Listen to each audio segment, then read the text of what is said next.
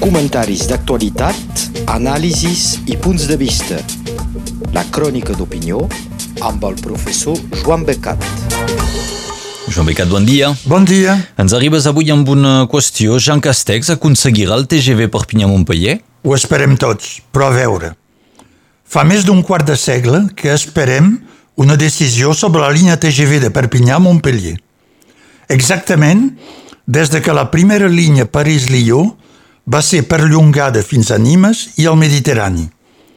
Després s'ha fet finalment a Espanya la línia Barcelona-La Junquera i un consorci franco-espanyol va foradar el túnel del Pertús sota l'Albera.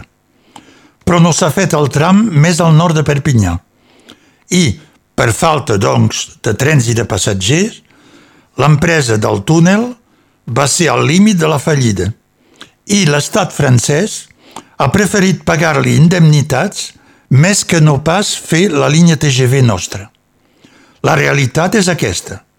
Sem al cul de sac de França i no hem tingut els homes i les dones polítiques de prou pes per imposar aquest tros del gran eix mediterrani que la Unió Europea ha declarat prioritari, però que França sempre ha negligit. I ja fa temps. Fa més anys quan se feia l'electrificació de les grans línies ferroviàries internacionals, hem tingut el trist honor que el tros Narbona-Perpinyà sigui l'últim de tot l'estat. I encara abans, el mateix tros Narbona-Perpinyà, però d'autoruta, va ser també l'últim a ser realitzat dels grans itineraris internacionals francesos. Per tant, fa molt, molt de temps que a París nos prenen pel que sem, quantitat negligible, francesos de segona o de tercera zona. Entre el TGV Mediterrani i el TGV Atlàntic, França ha privilegiat sempre el segon, que és més llarg, més costós, que no tindrà tants passatgers, però que s'ha considerat com a prioritat política per desenclavar Nantes i Bordeus i, sobretot, lligar Espanya a París pel País Basc. Ara bé, l'any 2020 s'ha passat de la lluna vella a la lluna nova. El batlle de Prada, Jean Castex, ha estat anomenat primer ministre. Primera persona de pes a França que és del país. Per nosaltres, el seu mandat serà reixit no pas si s'ensalla amb el Covid-19 o amb la represa econòmica, no, sinó desencalla i realitza, és a dir, fins al punt de no retorn, els dos grans bloquejos que té el nostre país, la línia TGV Perpinyà-Montpellier i la renovació de la ruta 116, el Conflent, el seu Conflent. Si ho aconsegueix d'aquí la primavera del 2022, serà el gran home de casa nostra.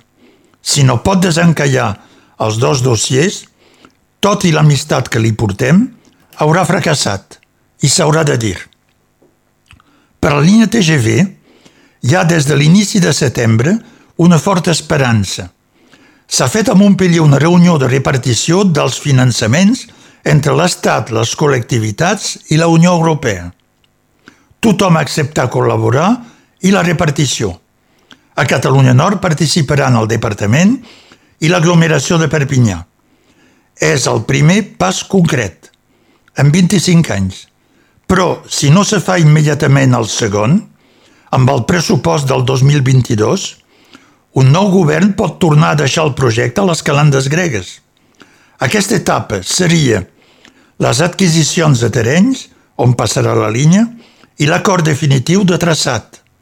Si és així, tindrem el tram acabat al 2030. Aquesta data se pot deduir del que ha passat pel tram de TGV de Nimes a Lates, al sud de Montpellier, de 60 quilòmetres. La declaració d'utilitat pública el 2005, el finançament el 2009 i la línia acabada el 2018. O sigui, 9 anys entre finançament i acabament. Per nosaltres, si compti bé, 2021 més 9 són 2030. Ara bé, com passa sempre, l'Estat paga només una part del cost i al final, evidentment, recupera una part notable dels seus diners perquè cobra la TVA sobre les compres i les obres. Eh, o sigui, la meitat de la seva aportació. Per ara, el finançament acordat, per un total de 6.000 milions, 6 miliards d'euros, és 40% per l'Estat, 40% per les col·lectivitats i 20% d'ajuda d'Europa. Però a Catalunya Nord ja hem viscut una situació semblant quan se va fer el baratge de Vinçà. El finançament inicial era de 23% per l'Estat, 14% d'Europa, doncs el departament l'altre, 63. Però per dolentes previsions o mala gestió del projecte, el cost final va ser d'una vegada i mitja les previsions. L'Estat i Europa no van canviar la seva aportació. I el departament, presidit per Jean-Léon Grégory, va finalment pagar les tres quartes parts. En aquest afer, l'Estat ha recuperat la totalitat de la seva subvenció i una part de la d'Europa. Cornuts i pagar el ball. Quan passeu davant del baratge i del llac de Vinçà, podeu dir el nostre baratge, perquè l'hem pagat tot nosaltres. Esperi que la mateixa aventura no se passarà amb la línia TGV que, com el baratge de Vinçà, ens és necessari. Mm -hmm. Aquest era el primer tema que volíem destacar avui en aquesta crònica d'opinió i d'actualitat. Ara ens uh, vols parlar de l'independentisme que ha tornat a ocupar el carrer. Sí, la diada. Tothom esperava que passaria la diada nacional de Catalunya de l'11 de setembre d'enguany. Els que són a favor com els que són en contra. Era la primera manifestació al carrer multitudinària quan encara hi ha Covid-19 i el contagi. La gent gosaria participar-hi? L'ANC havia previst un recorregut prou llarg i carrers prou amples, però no tant com la Diagonal o la Gran Via. Anava del cim de la Via Laietana a la plaça Urquinaona fins a l'estació de França i al Parlament. Però davant de la perspectiva de molta gent, l'ANC ha tornat a demanar a la gent de concentrar-se en 10 punts de les ciutats, segons el seu barri o la comarca d'on venien, per evitar un col·lapse.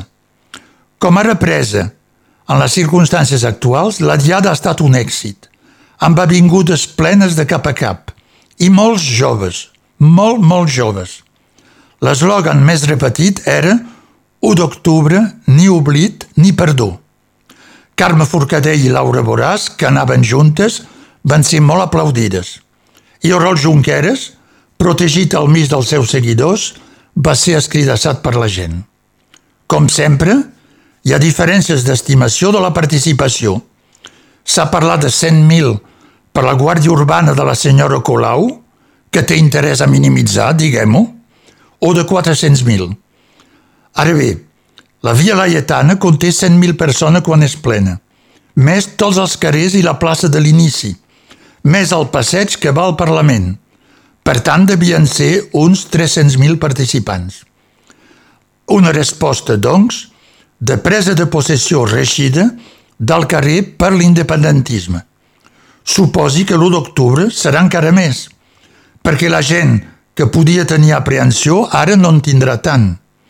De totes maneres, aquest 11 de setembre enfonsa totes les manifestacions que s'ha fet arreu del món, eh, incloses els antivaccí reunits a França, i de molt.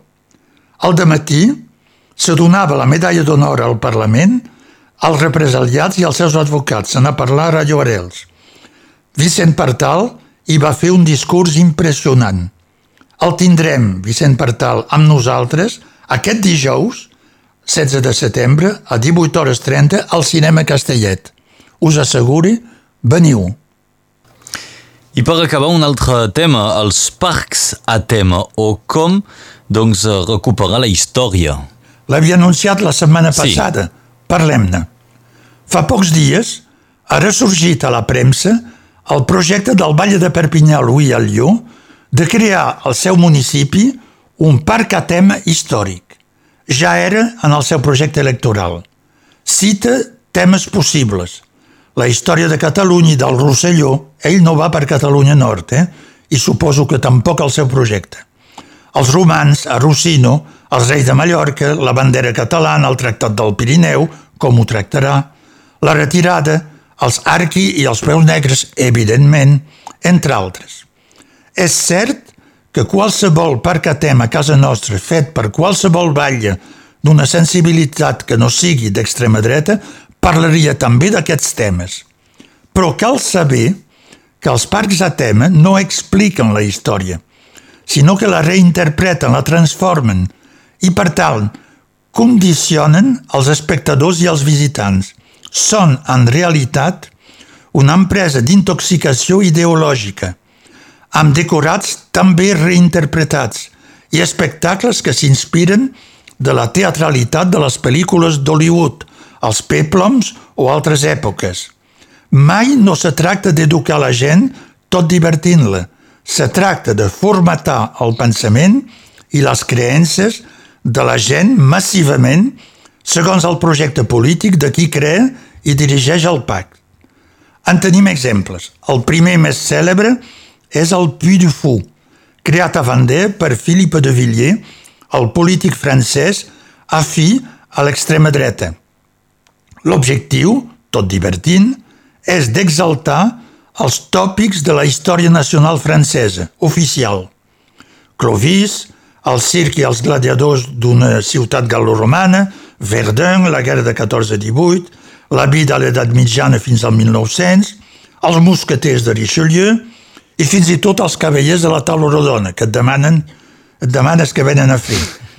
Amb una aparença històrica, i també els vikings, amb una aparença històrica, se consoliden els tòpics de la història francesa ensenyada fins fa poc als nins de l'escola primària, però a destinació de tothom. Aquesta empresa ha creat el 2019 un segon parc a tema a Toledo, a la Castella, al sud de Madrid, que se diu Puy du Fou Espanya. L'espectacle principal se diu El sueño de Toledo i repassa 1.500 anys de la història d'Espanya. Hi trobem també tots els tòpics que reinterpreten aquesta història a la moda espanyola.